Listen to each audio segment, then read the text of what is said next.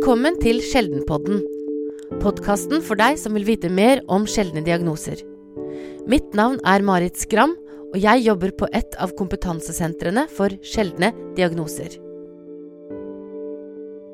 Genteknologien er i rivende utvikling. Hva betyr det, og hvordan stiller vi sjeldne diagnoser? I dag har vi med oss i studio Sigrid Bratli fra Bioteknologirådet.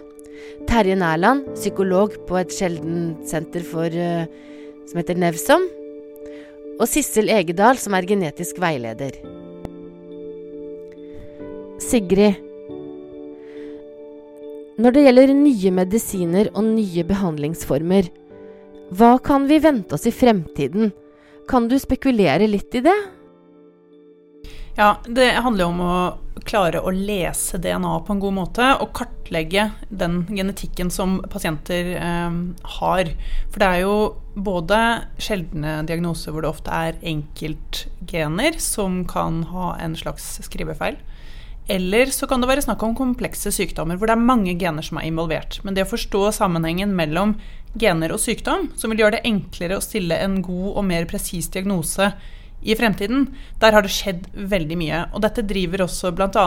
utviklingen innen såkalt persontilpasset medisin.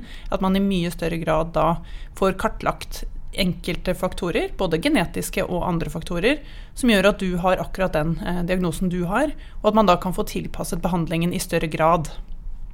Mm. Men så har det jo også skjedd veldig mye innen andre deler av genteknologien som handler mer om eh, intervensjon, altså hva man kan gjøre hvis man har eh, en genetisk disposisjon for en sykdom, f.eks. Om det lar seg behandle med genteknologi. Og da er det særlig de siste fem årene at det har skjedd veldig mye. Vi har fått eh, en veldig stor genteknologisk verktøykasse som lar oss gjøre ganske mye og reparere genfeil f.eks., eller legge til noe hvis det er noe som mangler eh, på en mye bedre og mer presis måte enn før. Og der ser vi jo nå Det er jo fortsatt ikke kommet til klinikken, dette her, men eh, i utprøvinger så er det mange muligheter for eh, medisinsk behandling. Og det finnes en tittel som heter genetisk veileder, Sissel. Det er du. Ja, det er jeg. Og hva, hva gjør en genetisk veileder? Hva innebærer det? Du, vi snakker med pasienter. Og det blir en form for undervisningssituasjon hvor man skal gi pasienten informasjon slik at den selv er i stand til å ta informerte valg som, ja, som har betydning for fremtiden. Og, og, hvorfor kommer man til deg? Eh, man kommer til meg fordi at eh, man enten selv har en tilstand som eh, har en genetisk årsak. Man har fått barn som har en genetisk eh, tilstand eller sykdom. Eh, man eh, ønsker å bæreteste seg for en eh, genetisk tilstand som er i slekten, eller man har et barn Der er ikke jeg så veldig mye inne i bildet, men man kan ha et barn som har en ukjent diagnose som man tror kanskje har en genetisk årsak. Og det er sjeldne tilstander, eller er det vanlige tilstander? De fleste tilstandene, de er sjeldne. Det er enkelte som er litt vanligere, men de fleste av de tilstandene som jeg veileder eh, pasienter på, eh, det er eh, tilstander som hører inn under sjeldensentrene. Hva skjer da når pasientene eller familien kommer til deg? Eh, først så må vi bli kjent. Og da er det jo viktig å kartlegge hvor står pasienten. Hvilken kunnskap har pasienten på forhånd om diagnosen det er snakk om? Hva slags grunnleggende kunnskap har pasienten om genetikk eller biologi generelt? Eh, kartlegge eh, hvilke symptomer pasienten har, eller den i familien som er syk. Eh, man tar opp familieanamnese, dvs. Si hvilke eh, symptomer har ulike eh, familiemedlemmer. Eh, og snakker da om ulike alternativer i forhold til skal teste, skal ikke teste. Det er avhengig av er det noe kur, er det noe behandlingsopplegg, eller er dette her bare noe som eh, man kommer til å få som ikke er behandlbart, som gjelder i noen tilfeller? Er det fosterdiagnostikk som skal eh, diskuteres? Er det preimplantasjonsdiagnostikk som kan være aktuelt? Ehm, så det er mange ja, vanskelige temaer som eh, drøftes. Ja, det er jo en del såre temaer her. Det er det. Ja. Og um, det er jo også å ivareta pasienten sånn eh, rent emosjonelt, for det er mange som kommer som har eh, skyldfølelse, skamfølelse, eh, sorg. Kanskje det er eh, komplekse følelser med hensyn til eh, at det de har sorg over det barnet de ikke fikk. Og så er det skam forbundet med det fordi at de faktisk tenker sånn. De er liksom ikke fornøyd med det som skjedde. Så det er mye såre temaer. Mm. Men ikke alltid. Noen ord om dette med arvelighet. Er det slik at det må være familiært? Det trenger ikke være familiært. Um, noen ganger så er det nyoppståtte um, tilstander. Altså man har uh, ulike delisjoner og duplikasjoner av små uh, kromosombiter. Det var litt vanskelig. Er det altså, ja. endringer i Endringer i um, antallet Eller ja, hva skal man si Det er ting som skjer på kromosomnivå når naturen skal uh, få større mangfold, for å si det sånn. som kanskje er nyoppstått hos et barn. Og um, da har oftest foreldrene ikke samme genforandring eller uh, kromosomforandring. Dette her ble veldig vanskelig, skjønner du. Men um, det er jo slik at det er ikke alt som er familiært. Noen ganger så er det nyoppståtte tilstander. Det har skjedd en endring i det genetiske materialet hos det enkelte barnet som da Eh, er sykt, som de kommer til genetisk veiledning for. Aldri sett tidligere. Men det kan også være andre tilstander, sånn som f.eks. recessive tilstander hvor begge foreldrene må være bærere. Dette her kommer som sjok, et sjokk for familien, at det plutselig blir født et sykt barn. Så sånn sett så kan man si at det er ikke familiært, men det er jo genetisk. Mm. De er jo bærere for det.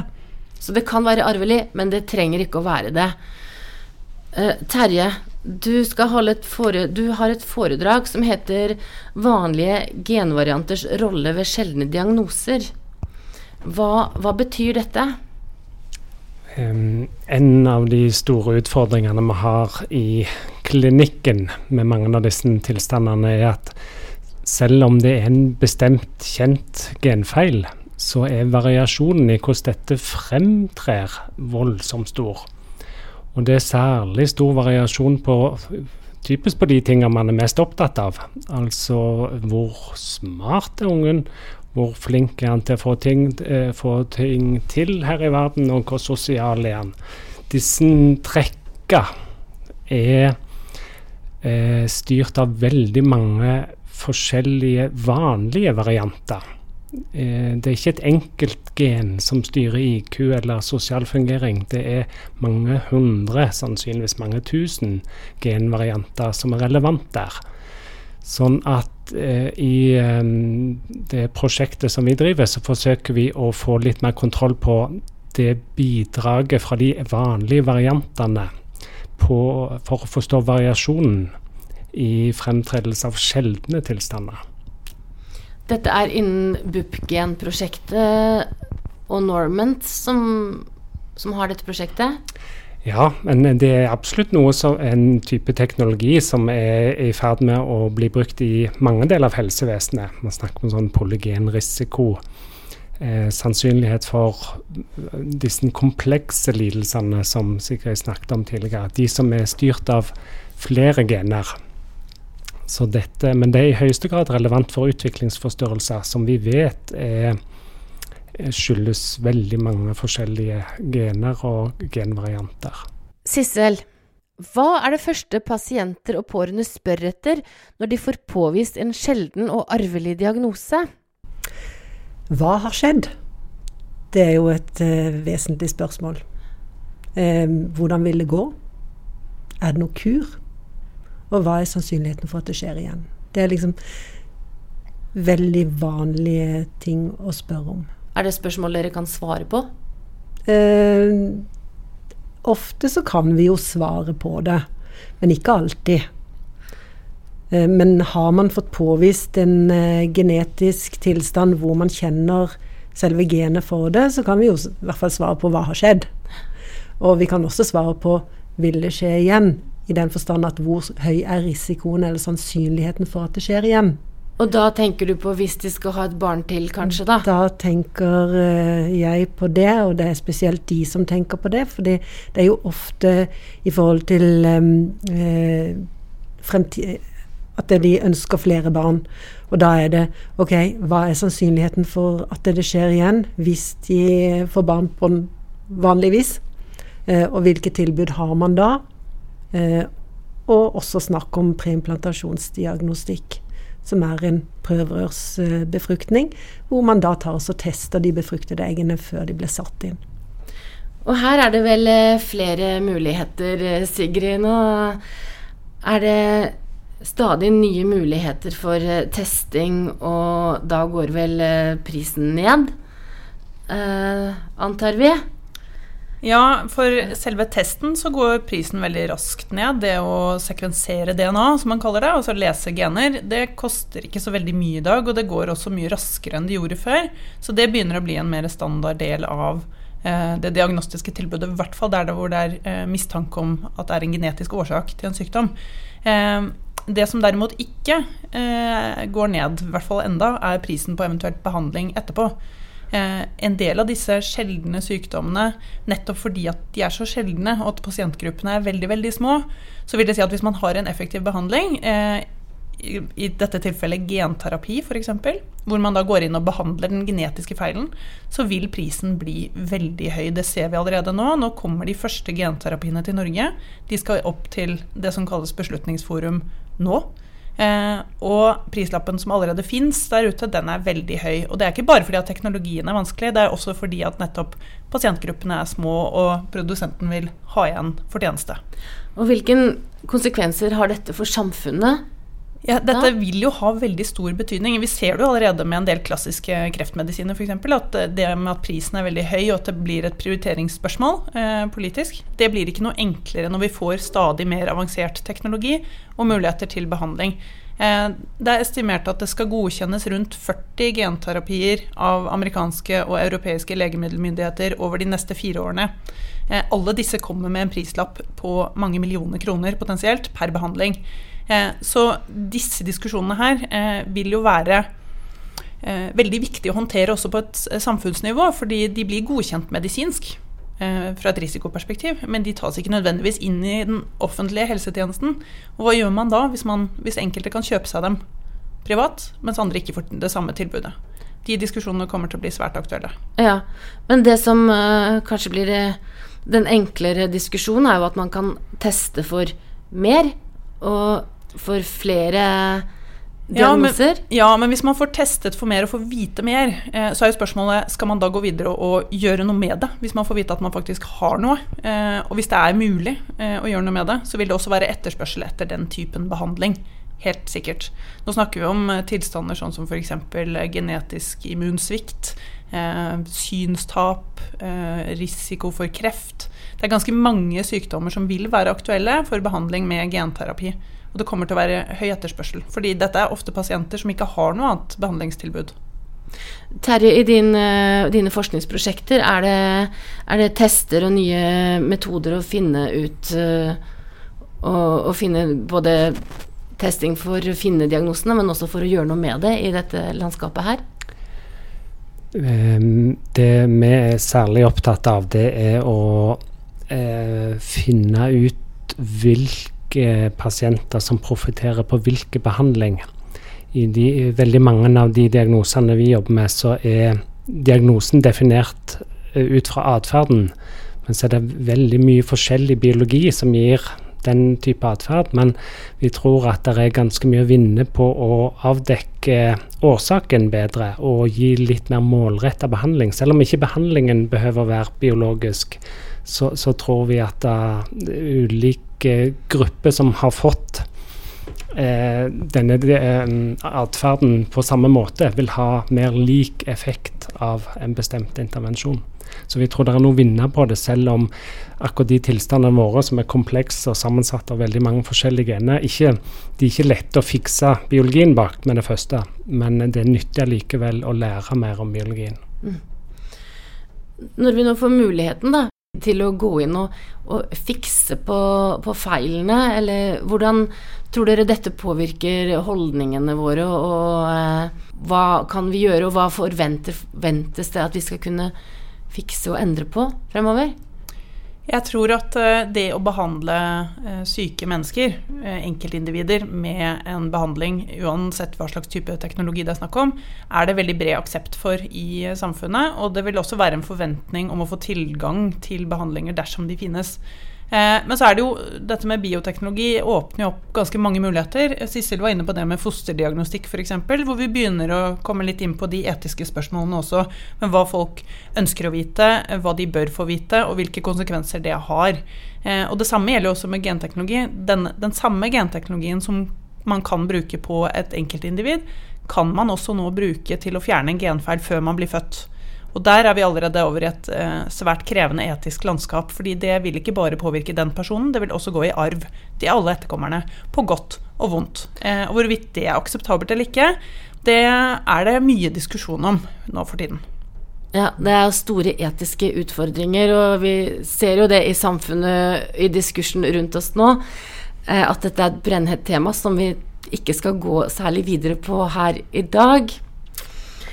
Eh, men eh, at man vil forvente at, at man har Når man vet at muligheten finnes der, og at vi kanskje kan etterspørre det og kreve det mer, eh, og også for kommende generasjoner, så må vi vel bare vente og se. Mm. Noe av utfordringen er jo også det at uh, mange av disse behandlingene uh, vil være uh, i kliniske utprøvinger lenge. Det tar lang tid for en behandling å komme inn i etablert klinisk praksis. Så hvorvidt folk er villige til å være med på en klinisk studie, hvilke risikoer det innebærer, og hva man kan forvente, det er også krevende. Og det er krevende for folk som ikke helt forstår hva det dreier seg om. Og da trenger vi jo nettopp genetiske veiledere og andre som er gode på å snakke med pasientene om hva de kan forvente, og hva det innebærer. Jeg tenker jo også at det, eh, pasientene blir mer krevende nå, for de tror at det, man faktisk er kommet mye lenger enn det man er. Så når de kommer til veiledning, så, så er det sånn en forventning om en intervensjon av en eller annen, enten eh, medikamentelt eller i forhold til oppfølging av eh, barnet, som er liksom skreddersydd akkurat det vi har funnet. Og det er ikke så lett uh, å si at det, sånn er det ikke. Nei, Det er det, som man tenker på som pers persontilpasset medisin, da? På en måte persontilpasset uh, medisin, hvis det man tenker medikamentelt. Men også at det, det er mange uh, ting man finner i dag hvor man det har ikke behandlingsmessig konsekvens, det man har funnet. Man har funnet en medvirkende årsak til en tilstand, ja. Men pasienten skal fremdeles eh, følges opp ut ifra hvilke symptomer den har, ikke bakgrunnen for de symptomene. Men det er det veldig mange foreldre og pasienter som kommer med en forventning om at det, ok, nå er det en genetisk årsak, da har man en kur eller en behandling. Så det blir utfordrende videre fremover. Eh, da er det litt sånn eh, tredje tema over til forvaltningen. Sigrid, du jobber jo ikke med pasienter, men med forvaltning, byråkrati og politikk i eh, Bioteknologirådet. Hva er det viktigste vi, eller alle som jobber med sjeldne diagnoser, bør vite og kunne når det gjelder genetikk? Eh, ja, jeg tror det er viktig å huske på at fag og politikk er uløselig eh, koblet til hverandre. Eh, og det at man har mulighet til noe, at noe er teknisk mulig, er ikke det samme som at det kommer til å eh, være akseptabelt eller være politisk vilje til å gjøre det. Og det ser vi jo nå bl.a. i de politiske diskusjonene knyttet til fosterdiagnostikk f.eks. Eh, og at det er viktig i dialogen med pasienten, og nettopp forventningsstyring, som også Sissel var inne på her nå, at eh, de teknologiske mulighetene går ofte mye fortere enn det eh, politikken og forvaltningen gjør. Eh, og det vil ta lang tid å få f.eks. en behandling gjennom hele dette beslutningsapparatet, som skal avgjøre om det skal tas inn i, eh, i klinisk praksis. Så eh, Samtidig så tror jeg det er viktig å være klar over at forskningsfeltet går veldig raskt. Så for de som jobber med dette, å klare å holde seg sånn noenlunde oppdatert på feltet, både hva som er mulig innen diagnostikk, men også innen behandling etter hvert, at det blir viktig. For vi ser jo at eh, pasienter og pårørende henvender seg i stor grad også til oss for å få svar på disse tingene. Eh, og det er en krevende situasjon. Mm. Uh, Sissel, du jobber jo som uh, genetisk veileder. Uh, kan du si litt om hva, hva bakgrunnen for den tittelen? Um, vi har jo fått en genetisk veilederutdanning ved Universitetet i Bergen. Den, den har jeg. Det var et forsøksprosjekt som startet da i 2001. Det ble gjort permanent, eller gjort om til et tilbud som, som kommer til å gå fremover. Eh, fra 2006. Ble tatt opp nye studenter fra 2019, så vidt jeg har fått informasjon om. Eh, men bakgrunnen for den, det masterprogrammet, det er eh, helsefaglig bachelorgrad. Så jeg er i utgangspunktet bioingeniør ja. i, i bunn. Så jeg har jo litt høyere eller bedre forutsetninger for å forstå genetisk eh, informasjon og genetisk teknologi enn eh, kanskje andre faggrupper som har samme master. Ja, men eh, Og hvordan, hvordan, kan man gjennom denne tittelen, eller dette programmet, da, som er eh, å bli, være genetisk veileder, hva, hva, hvordan kan genetiske veiledere hjelpe personer med sjeldne diagnoser, finnes det en, en minstestandard som man bør kunne? For som du sier selv, alle ikke, har ikke like mye eh, biologisk-teknisk kompetanse i bånn som du, da. Nei, men det er jo Altså, man blir nødt til å ha en viss oversikt over genetikken. Genetiske eh, metoder. Man blir nødt til å ha arvegang det er ganske vesentlig. Og det er ikke bare de enkle arvemønstrene som man ser, men det er mer komplekse arvemønstre også. Men eh, arvegang, eh, biologi, eh, genetikk, det er jo en forutsetning, for vi skal jo faktisk eh, undervise pasienter slik at de forstår hva er det som har skjedd. Det er ganske vesentlig. fordi eh, i tillegg til det så er det jo den psykologiske delen av det. Og der trenger man ikke være bioingeniør for å snakke med pasienten. Men eh, først og fremst, man må få overført kunnskap til pasienten, slik at de vet hva er det som har skjedd. De må ha det grunnlaget for å ta beslutninger for hva de skal gjøre med den kunnskapen. Altså i forhold til um, um, fosterdiagnostikk, i forhold til videre Skal de teste seg um, presymptomatisk for en tilstand som de ikke er eh, behandlingsmessig tilbud for, f.eks. Men genetikk, biologi og den mellommenneskelige delen, det er viktig som genetisk veileder. Sigrid? Ja, jeg vil bare skyte inn apropos det, at eh, det med kunnskap og det å ha kvalitetssikret kunnskap er, er ekstremt viktig. viktig. Fordi pasientene får jo tilgang på mye informasjon der ute på nettet bl.a. Eh, og det å kunne ha en god veileder som kan hjelpe dem å sortere hva som er god informasjon og hva som ikke er god informasjon, blir ekstremt viktig. Det finnes jo også muligheter for å teste seg genetisk privat og sånne ting. Og, og, det kommer til å komme pasienter som har fått informasjon om sine egne gener, og som trenger hjelp til å skjønne hva det betyr. Hva det betyr å ha en risiko f.eks. hvis det ikke er eh, sikkert at man blir syk. Eh, og ja, en del sånne typer problemstillinger. Ja, og Hvis man begynner å leite på nettet, så er man jo ikke sikker på om er det gull eller gråstein. Nei. Uh, Terje, ditt, uh, et av dine forskningsprosjekter som du er involvert i, som er uh, Bupken, det har jo en, en, veldig lang tidsramme. Kan du si noe om det? Hvor, hvordan er det tenkt inn i, inn i fremtiden? Det er absolutt sånn at for å få oversikt over dette feltet, så må vi samle klinisk informasjon over veldig lang tid. Vi avhenger av veldig store utvalg for å få oversikt over de ulike veiene, biologiske veiene til disse tilstandene. Så, så vi eh, har konsesjon for å drive dette prosjektet i, i lang tid fremover. Ja. Og vi er avhengig av samarbeid med sykehusavdelinger og eh, ulike sjeldensenter for å samarbeide om å finne mer ut om um, den biologiske bakgrunnen for disse um, tilstandene. Ja, Nei, jeg vil jo bare si at den, altså genetikken kommer til å bli helt sentral i hvordan vi både forstår og behandler sykdom eh, fremover.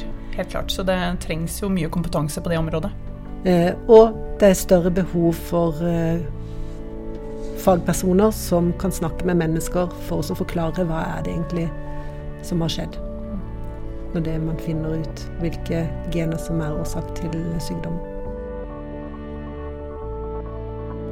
Da sier jeg til alle dere tre tusen takk for at dere deltok på Sjeldenpodden, og jeg ønsker dere lykke til videre med genetiske utfordringer.